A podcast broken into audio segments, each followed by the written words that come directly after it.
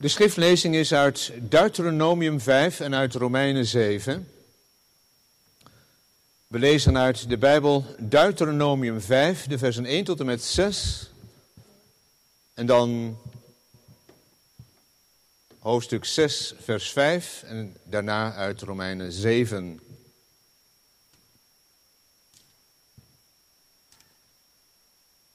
Dan komt het woord van God tot ons. Mozes riep heel Israël bijeen en zei tegen hen: Luister, Israël, naar de verordeningen en de bepalingen die ik heden ten aanhoren van u spreek. U moet ze leren en nauwlettend in acht nemen. De Heere onze God heeft een verbond met ons gesloten bij de Horeb. Niet met onze vaderen heeft de Heere dit verbond gesloten, maar met ons wij die hier heden allen in leven zijn. Van aangezicht tot aangezicht heeft de Heere met u gesproken op de berg, vanuit het midden van het vuur. Ik stond in die tijd tussen de Heere en u in om u het woord van de Heere bekend te maken, want u was bevreesd vanwege het vuur en klom de berg niet op. Hij zei, ik ben de Heere uw God, die u uit het land Egypte, uit het slavenhuis geleid heeft. En dan volgen de tien woorden van Gods wet, die wij met grote regelmaat ook horen. En dan lezen wij nu in vers, hoofdstuk 6, vers 5.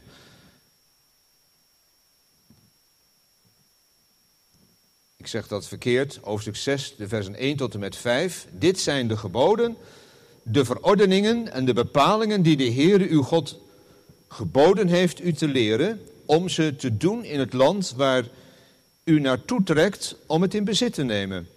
Opdat u de Heere uw God vreest door al zijn verordeningen en zijn geboden die ik u gebied in acht te nemen.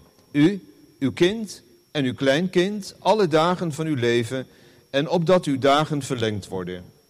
Luister dan Israël en neem ze nauwlettend in acht, dan zal het u goed gaan en zult u ze zeer talrijk worden, zoals de Heere, de God van uw vaderen, tot u gesproken heeft, in het land dat overvloeit van melk en honing.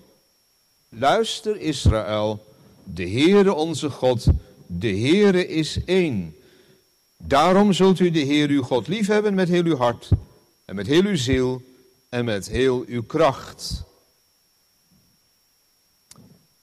De lezing uit het Nieuw Testament is uit Romeinen 7.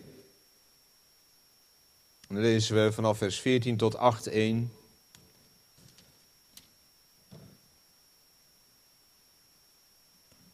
Want wij weten dat de wet geestelijk is, maar ik ben vleeselijk verkocht onder de zonde.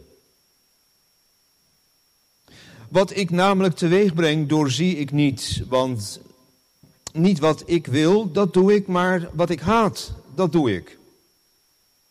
En als ik dat doe wat ik niet wil, val ik in de wet, val ik de wet bij dat zij goed is.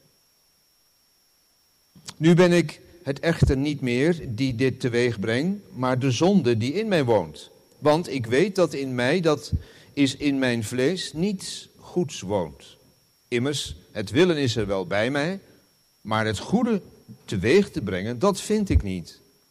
Want het goede dat ik wil, doe ik niet. Maar het kwade dat ik niet wil, dat doe ik. Als ik nu dat doe wat ik niet wil, breng ik dat niet meer teweeg, maar de zonde die in mij woont. Ik ontdek dus deze wet in mij, dat als ik het goede wil doen, het kwade dicht bij mij ligt. Want naar de innerlijke mens verheug ik mij in de wet van God. Maar in mijn leden zie ik een andere wet, die tegen de wet van mijn verstand strijd voert en mij tot een gevangene maakt van de wet van de zonde die in mijn leden is.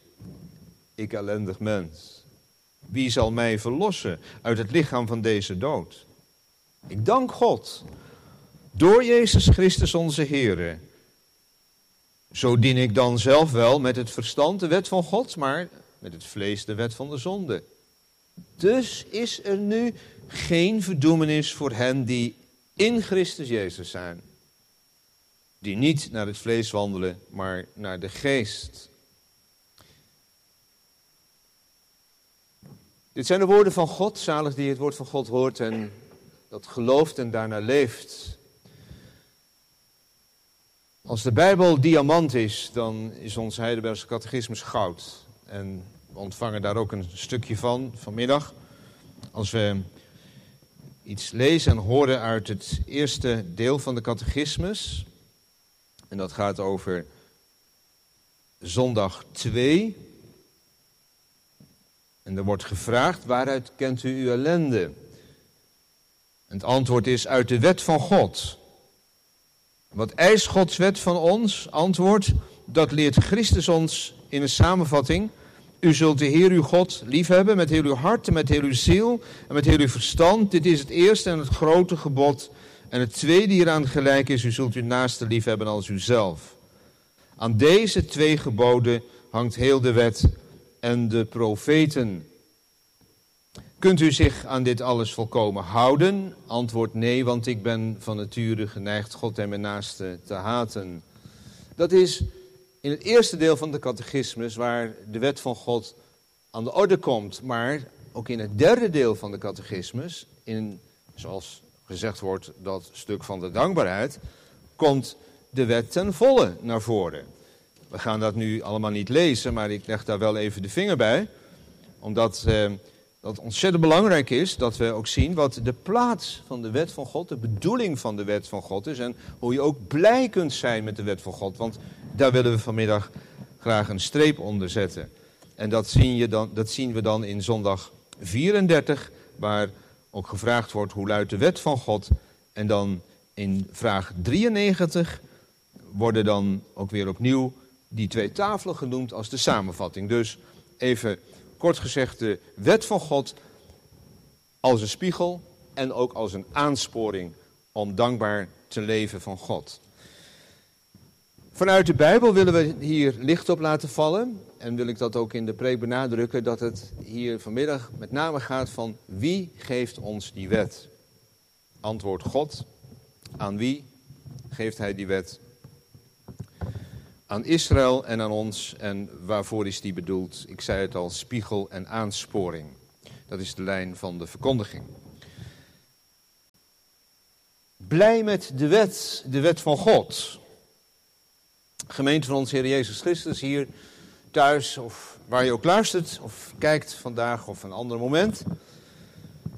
Ik ben de Heere, uw God, die staat. Punt gemaakt. Nu zijn we er in één keer allemaal bij. Erbij gehaald door God zelf. Bevrijd heb ik jullie. Gered zijn jullie. Sta dan in die vrijheid.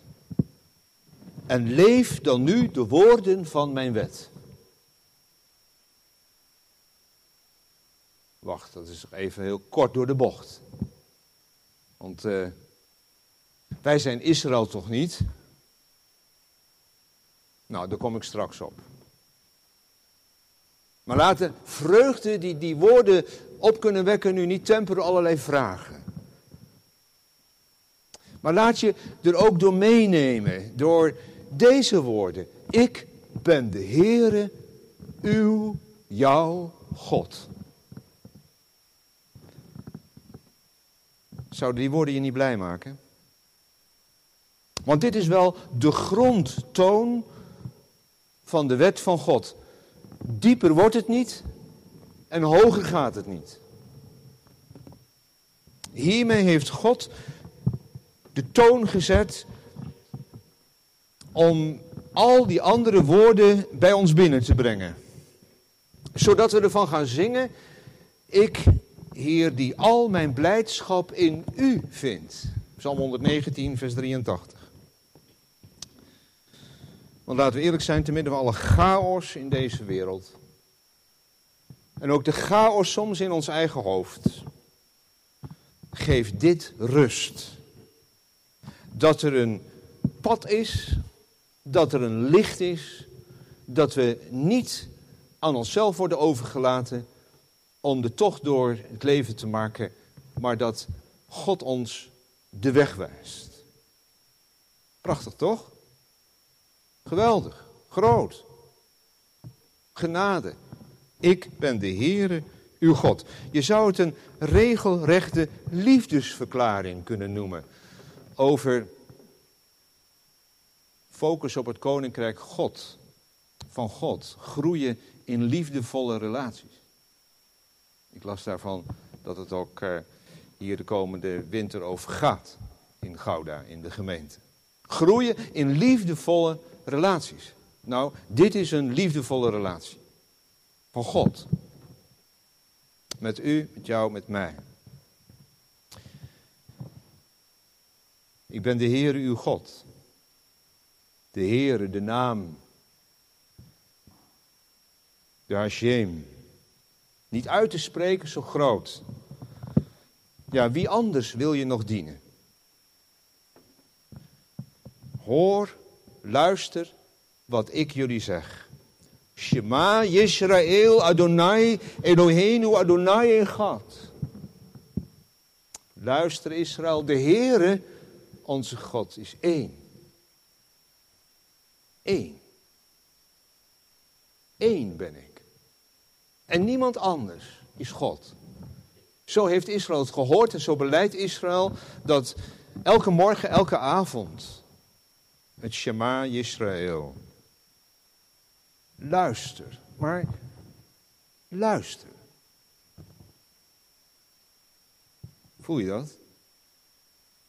Ik moest er even over nadenken. Ook in de voorbereiding van, wat wordt hier nu gezegd? Wat wil God hier zeggen? Luister, ik, ik voelde er iets van, van een vader die een kind naar zich toetrekt, zegt, kom, luister. Heel dicht, even op schoot zit. De heilige God, ja, voor wie het volk beefde en sidderde en Mozes stond erbij op die berg, die zegt, luister. Kom eens even heel dicht bij me. Hij fluistert het bijna in ons oor. Als een vader die van zijn kind houdt. En het kind dat hoort en denkt, nou komt er iets wat waarschijnlijk heel fijn is. Waar ik heel blij van word. Zo staan de woorden van Gods wet in dat kader over framen gesproken. Nou, dit is het frame, dit is het kader waarin de woorden van God klinken. Zijn liefde is het kader. Zijn genade gaat aan de wet vooraf. De geboden zouden anders bij ons in het verkeerde keelgat schieten. Zomaar, dat zou zomaar kunnen. Of als stenen vallen op onze maag. Deze geboden niet. Want ze komen van God, de liefde, de Heere. Ik ben de Heere, jullie God. Dus de wet niet als een lode last, maar als een lieve lust. Dat hoort Israël. Losgezongen van die liefde van God zijn het maar harde woorden. Regels. Geboden. Maar elk van, dit, elk van deze geboden is, misschien heb je het wel vaker gehoord, een belofte. Dat is wel eens, uh, hoe lees je dat? Het is eigenlijk moeilijk om te lezen. Gij zult of u zult. En dan zeggen u zult. Nee, u zult. U zult dat gaan doen. Dat beloof ik je. Zover gaat het komen. Jullie zullen. Maar één God dienen. Jullie zullen zover komen in het leven dat je het goede beeld van mij hebt. Dat je mijn naam heiligt. En dat je alles wat er in die geboden staat zult doen. Dat beloof ik je. Nou ja. Belofte en werkelijkheid. Maar in de belofte is het waar. U zult. Want ik ben de Heere, uw God. Nou, hiermee is het van Gods kant klaar. Dat wil zeggen, Nu zijn wij aan de beurt. Om dit te horen, om te luisteren, om die geboden inderdaad zo uit die mond van die liefdevolle God, die redder God, die genadige God te ontvangen. Maar toch weer even die vraag, want ja, is dat dan wel zo direct één op één voor ons? Ik ben de Heere uw God. Als je het aan een ja, orthodoxe Jood vraagt, dan zegt hij: eh, Wacht even, ik heb een keer een uh, bijeenkomst meegemaakt, christen voor Israël. En daar sprak iemand vanuit uh, Joodse achtergrond. En die gaf dat heel duidelijk aan. De tien woorden decoloog is voor ons. En voor jullie is de wet van Noach. Noach.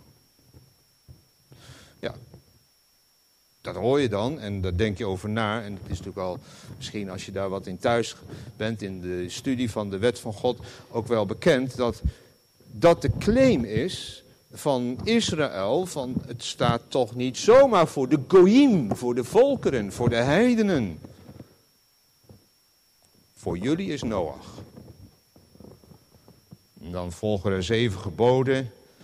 Ik ga ze allemaal niet noemen, maar ik vat samen in twee Eerbied voor God als schepper en eerbied voor het leven van mens en dier. Dat is algemeen. Dat is voor iedereen. Ik herhaal, eerbied voor God als schepper en eerbied voor het leven als mens en dier. Nou, daar kan elke partij die een beetje dan uh, groen is, kan daarin meekomen, toch? Nou, God als schepper, maar in ieder geval eerbied voor het leven van mens en dier. Maar als je dan toch eens verder gaat zoeken in het Oude Testament ook, dan kom ik dingen tegen waarvan ik zeg, ja, lees ik dat nu door de christelijke bril of staat het zoals het er staat? Nou, ik citeer uit Deuteronomium 33 bijvoorbeeld, in die afscheidsreden van Mozes, daar zegt hij, hij heeft de volken lief. De volken heeft hij lief. Al zijn heiligen zijn in uw hand en zij zitten aan uw voeten en vangen iets op van uw woorden. Mag je daar ook in horen de woorden van de wet?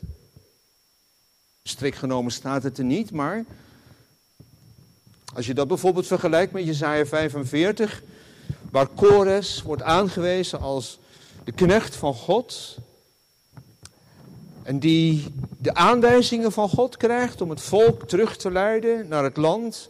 En dan in datzelfde hoofdstuk staan deze woorden. Wend u tot mij, alle einden der aarde, en wordt behouden. Dat behouden worden heeft in het Oude Testament ook altijd de notie van de rechtvaardige zijn, de tzaddik, de wet van God horen. Zomaar twee voorbeelden uit het Oude Testament dat de wet van God universeel is. Althans, dat is zoals ik het hoor en lees en ontvang.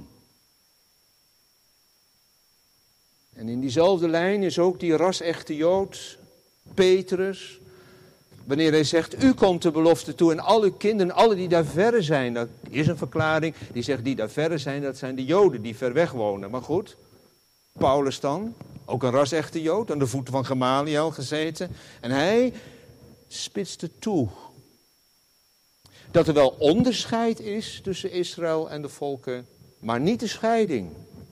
Everse 2. En u die voorheen ver af was, bent door het bloed van Christus dichtbij gekomen. Door het bloed van Christus bij Israël gekomen. Dat werkt je ook in andere brieven uit. Als wilde takken, ingeënt in die olijfboom, in dat verbond van Abraham en zijn kinderen. U die voorheen ver af was ben door het bloed van Christus dichtbij gekomen, want Hij is onze vrede die beide één gemaakt heeft. Nou, genoeg om te zeggen dat de wet van God niet is afgeschaft. Of niet alleen voor Israël bedoeld is. En dus ook niet afgeschaft naar de Heer Jezus, naar zijn komst. Het is vervuld, even bijvoorbeeld voor jongere kinderen, dus ook voor de ouderen misschien eh, wel eh, handig om dat even in beeld te hebben. Wat is nou vervuld? Als die wet vervuld is, dat is dus even een ander aspect dan of die voor Israël is of niet. Maar vervuld, dat betekent zoals je een ballon vol blaast. Als je een ballon hebt die leeg is, dan zie je niet goed die letters. Maar vervuld, dat betekent volgeblazen, tot zijn volle betekenis gekomen, dan zie je dat die ballon vol lucht die letters goed laat lezen. Waar gaat het in de wet van God over? Voor Israël, voor de volken, universeel. Gij zult God liefhebben boven alles en de naaste als uzelf. Dus voor Israël en de volken vervuld in Christus, maar niet afgeschaft. En daarom hebben we niet alleen een evangelie voor de wereld, maar we hebben ook een wet voor de wereld, Gods wet. Een woord voor de wereld. Israël blijft intussen wel een speciaal volk. Met speciale beloften. En dat zij eens dat licht zullen zijn in de wereld, wat door de geschiedenis heen nog steeds niet gebleken is, maar dat God zal vervullen, dat Israël, die Torah, die wet van God, zal dragen onder de volken en dat de volken zullen komen om die wet van Israël te ontvangen.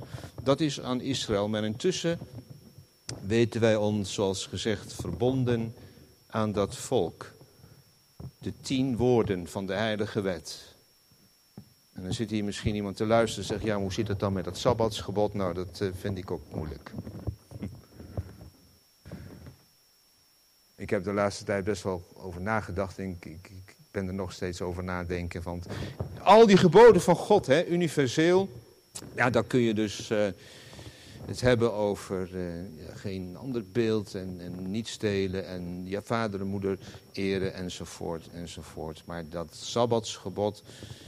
Nou, ik zeg het maar gewoon. Ik gebruik niet de preekstoel om daar een discussie over te hebben. En laten we dat dan maar op een andere manier doen. Ik heb dat wel eens meer iets zo aangegeven, maar het is echt wel belangrijk om daarover na te denken. Wat betekent dan in dat universele van die wet van God dat sabbatsgebod?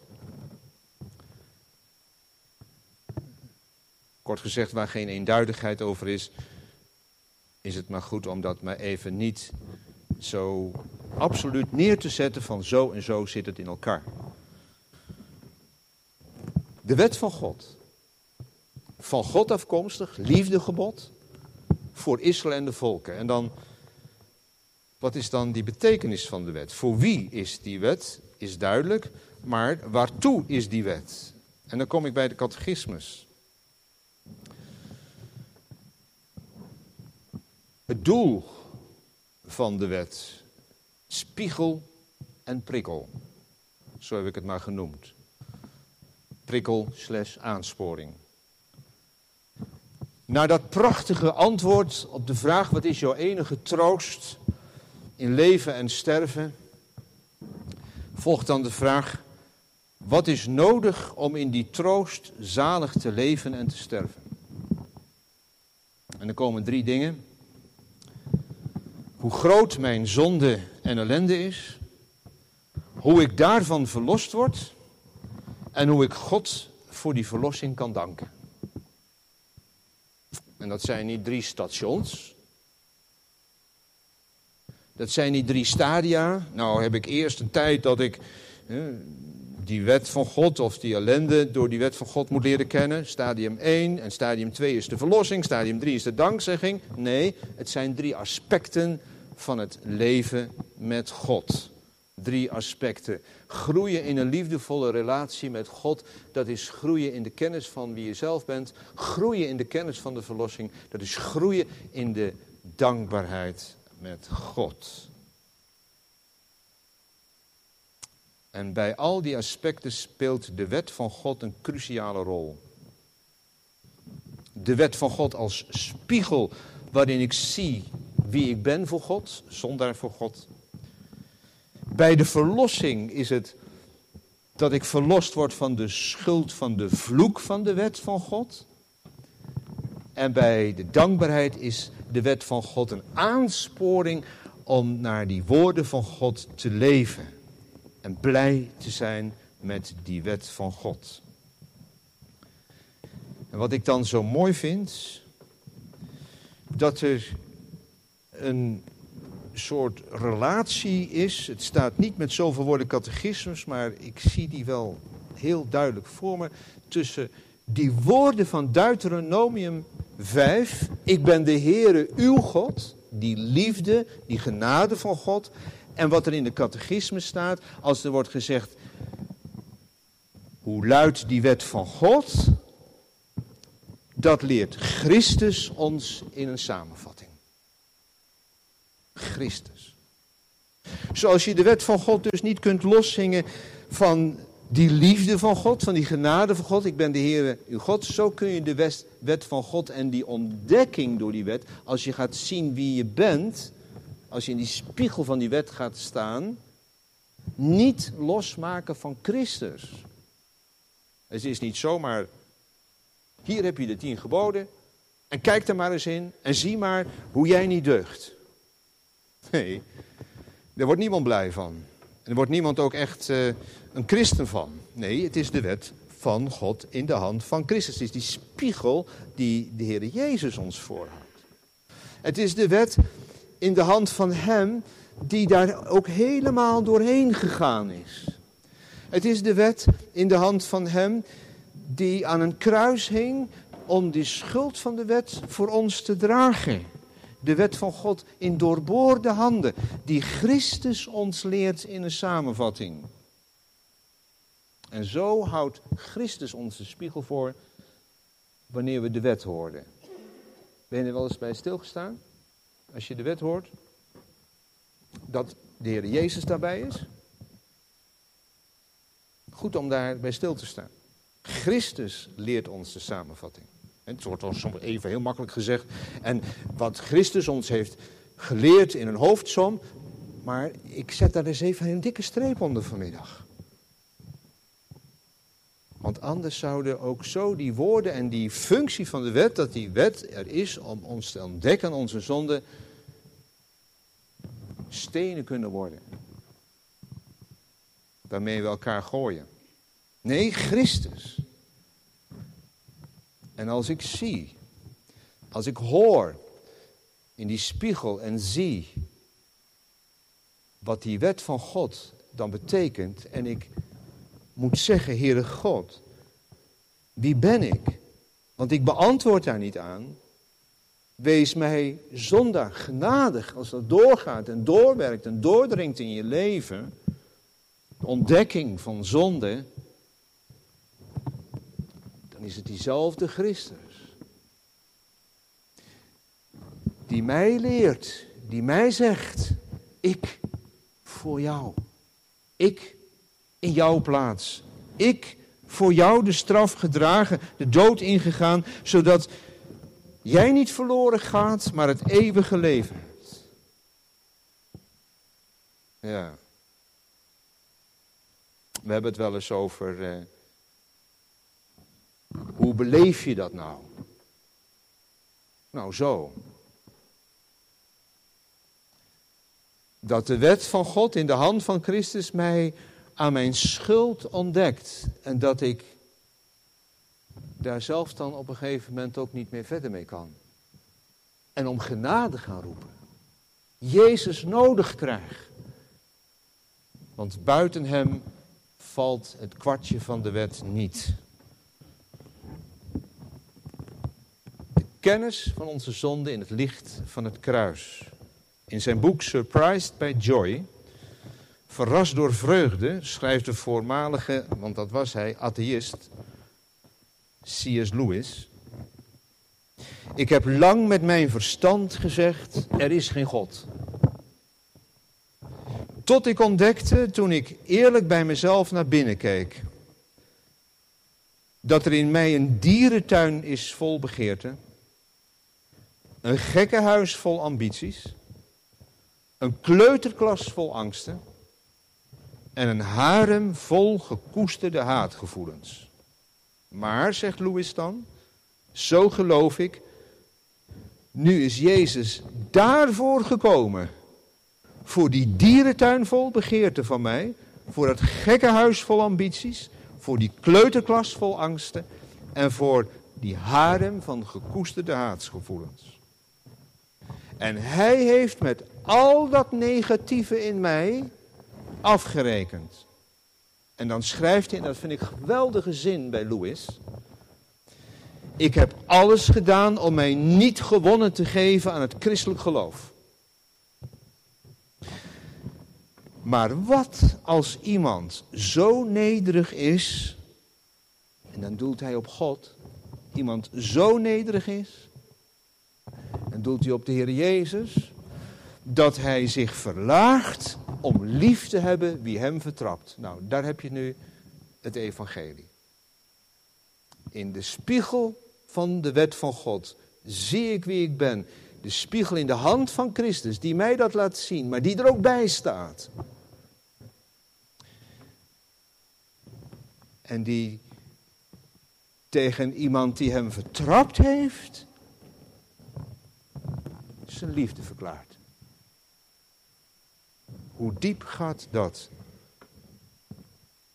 In Romeinen 3 van, vat Paulus het samen. Daarom zal uit de werken van de wet geen vlees, dat is geen enkel mens gerechtvaardigd worden. Want door de wet is de kennis van de zonde. Daar heb je. Door de wet is de kennis van de zonde. Maar nu is de zonder de wet gerechtigheid van God geopenbaard. Door het geloof in Jezus Christus.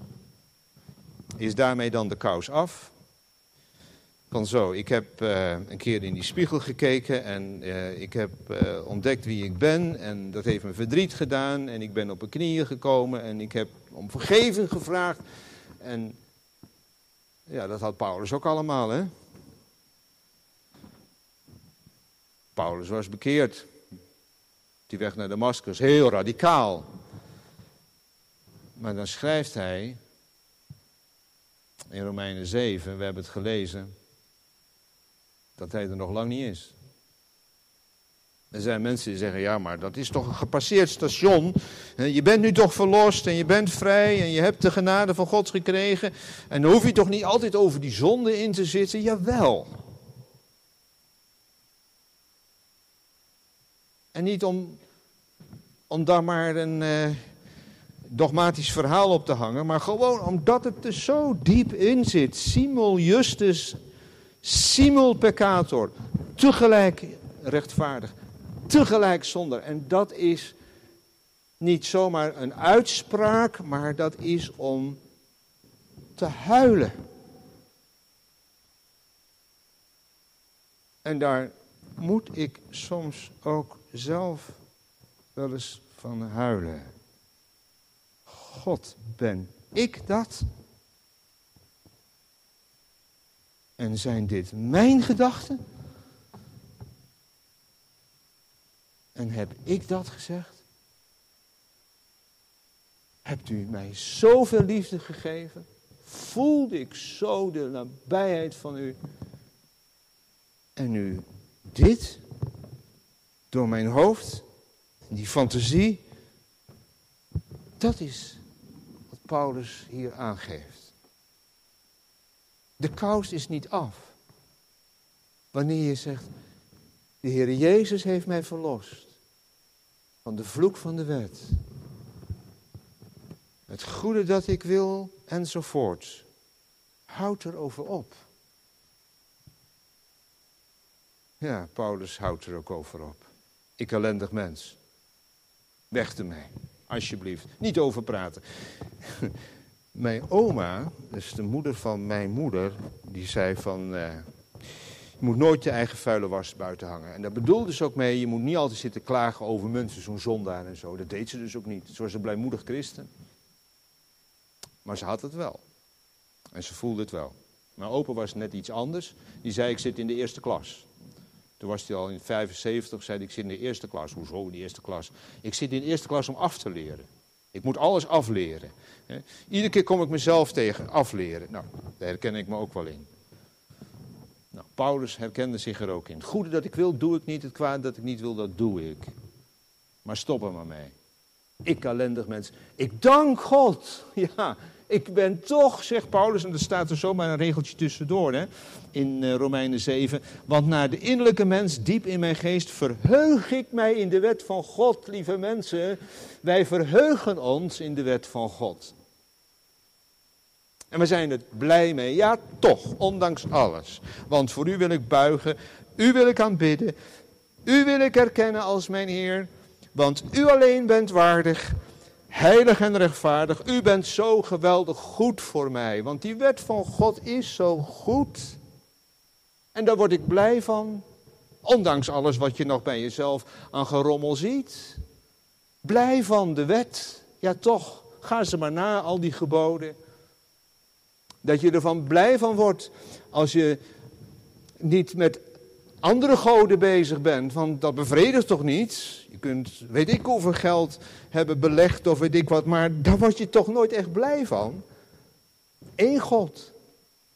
En van dat beeld dat ik maak van God, daar word ik alleen maar blij van als ik in de Bijbel lees wie die God is. Vader, Zoon, Heilige Geest. En daar word ik blij van. Als ik zijn naam hoor en als ik hem aanbid. Blij met de wet. En verdrietig als je dan hoort vloeken. En daar word ik blij van als het weer zondag is. Laten we dan maar even zeggen, zondag, de rustdag. Daar zie je naar uit. Ik, eh, toen ik hier net kwam, toen zag ik, jongen, daar heb je heel wat voor over gehad in je regenpak om naar de kerk te gaan. Maar er zit toch iets achter. Een druif, een verlangen om, om blij te worden van God, van zijn woord, van hier te zijn. En thuis ook natuurlijk, als je er niet door kon of als er andere redenen zijn, thuis blij met de wet van God. Hoe blij kun je ermee zijn om ook die woorden van God, als het gaat over je vader en moeder eren en liefhebben. Want uh, ruzie in de tent, daar word je toch niet blij van. En oneenigheid en verkeerde relaties. Groei in liefdevolle relaties, ook met je ouders. Blij met de wet. Ja, als ik uh, iemand haat, dan is dat een verrotte kies. Die moet eruit. Ben je er niet blij van als je boos bent en bitter bent? Blij met de wet, want je hebt die naaste lief. Blij met de wet van God. In al die geboden. Want uh, het wordt je toch blij van als je ook van het vele wat je hebt ook mag delen. Gij zult niet stelen. Blij met de wet. En uh, ja, Paulus zegt het ook in Efeze. Doe nou die gordel van de integriteit om je heen, van de waarheid. Want van leugen en bedrog word je niet blij. Daar word je zo onrustig van. Blij met de wet. Voel je? Om die te doen uit dankbaarheid. Want Hij is zo groot, Christus is zoveel, Hij heeft me alles gegeven. Blij met de wet. En ondanks wat ik net zei van Paulus, ja, is dat toch de hoofdtoon. En die moet blijven klinken. We hebben een wet voor de wereld, we hebben een woord voor de wereld. Blij met de wet. Ja, dan eh, word ik alleen maar blij van als ik een ander ook blij zie worden als die eh, een complimentje krijgt. Hè? Daar kun je zelf ook blij van worden als je iemand anders complimenteert en niet uh, zo benepen. Gij zult niet begeren. Ja. Blij van de wet, met de wet. De wet van God. De wet die ons gegeven is om naar te leven. Alle aspecten van de wet komen aan de orde. En zo mogen wij ook hier God danken voor zijn wet, de tien geboden. Uh, ik weet niet of ik er zelf aan toe kom, maar uh, het zou mooi wezen als we al die geboden lang zouden lopen, allemaal. Om dan ook daar iets meer van te proeven en te ervaren. En vanuit dat kader, vanuit dat uitgangspunt, God liefhebben boven alles, ook zo de wet te leren en te leren leven. Over geloof leven gesproken, dat doe je met de wet. Het geloof leven. Blij met Gods wet. En verhard je dan niet onder dit woord, zegt God, want elke keer ging het fout in Israël. Hè? Ja, want dat was met die wet van God toch maar een lastig ding. En dan klinkt dat telkens weer, verhard je nou niet, zet je nou niet af tegen die wet van mij. Maar laat je leiden, want anders kom je in de duisternis. Maar oefen samen met je oudste broeder Israël de Shimgat Torah. Dat is de vreugde van de wet. Hier misschien ook al letterlijk een beetje, maar straks in de nieuwe wereld van God helemaal. De vreugde van de wet. De Shimgat Torah. Hoe lief heb ik uw wet. Hij is heel de dag mijn overdenking. Amen.